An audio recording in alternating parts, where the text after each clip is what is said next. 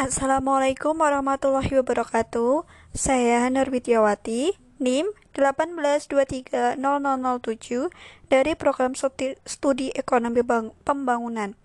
Kali ini saya akan mempresentasikan topik 4 yaitu tentang implementasi pembangunan ekonomi pedesaan di Indonesia.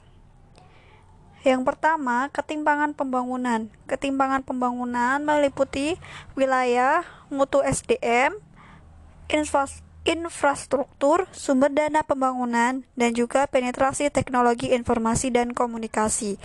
Prinsip pembangunan ekonomi desa yaitu transparansi, partisipasi, dapat dinikmati masyarakat, akuntabilitas, dan sustainable. Selanjutnya adalah faktor penentu keberhasilan pembangunan ekonomi desa. Yang pertama, ketersediaan sumber daya alam, akumulasi modal, organisasi, kemajuan teknologi, pembagian kerja, skala produksi, faktor sosial, faktor manusia, dan juga faktor politik dan administrasi. Dimensi pembangunan ekonomi perdesaan. Yang pertama ada ekonomi, meliputi ada produksi, produktivitas dan pendapatan dari warga dari dari warga dan dari sumber daya manusianya. Sosial ada kesetaraan, keadilan, ketahanan pangan, pengentas dan pengentasan kemiskinan. Manusia ada pendidikan, kesehatan, kesetaraan gender dan hak asasi manusia. Budaya, nilai budaya asli dengan nilai budaya asing. Perubahan budaya selama proses pembangunan.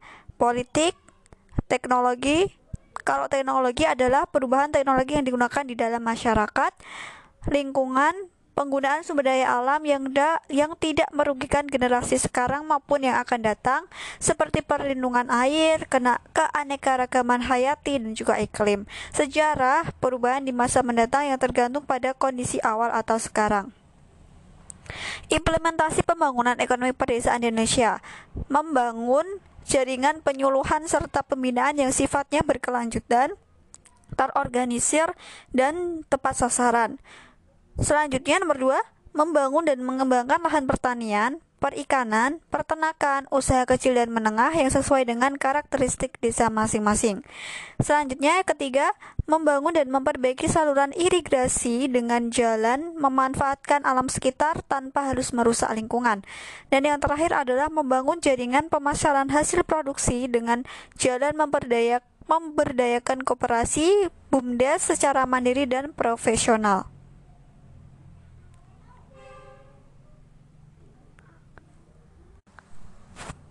Selanjutnya adalah syarat pembangunan ekonomi pedesaan yang berkesinambungan.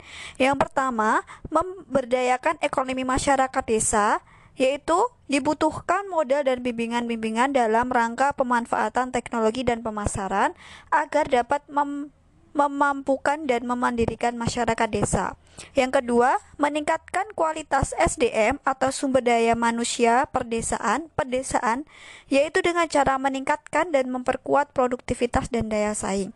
Dan yang ketiga adalah pembangunan prasarana di pedesaan, khususnya prasarana perhubungan di wilayah pedesaan, seperti adanya lembaga keuangan. Permasalahan dalam pembangunan ekonomi pedesaan. Yang pertama, Kendala perencanaan. Kemampuan masyarakat secara umum dan aparat setempat masih belum memadai dalam melakukan perencanaan di wilayah desanya. Yang kedua, kendala pelaksanaan.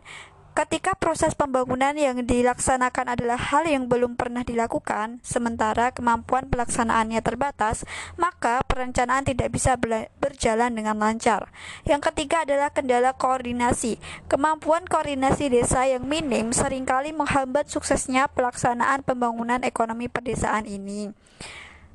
Selanjutnya adalah kendala monitoring dan evaluasi. Aspek monitoring dan evaluasi, evaluasi terhadap suatu program sering kali terabaikan. Padahal monitoring dan evaluasi ketika program tengah dilaksanakan dan ketika suatu program itu telah selesai dilaksanakan adalah hal penting dalam mengat demi mengetahui sejauh mana target terlaksana. Selanjutnya ada strategi pengembangan pembangunan ekonomi perdesaan. Yang pertama ada strategi pertumbuhan, strategi kesejahteraan, strategi responsif terhadap kebutuhan masyarakat, dan juga strategi terpadu dan menyeluruh. Sekian presentasi dari saya, kurang lebihnya mohon maaf. Wassalamualaikum warahmatullahi wabarakatuh.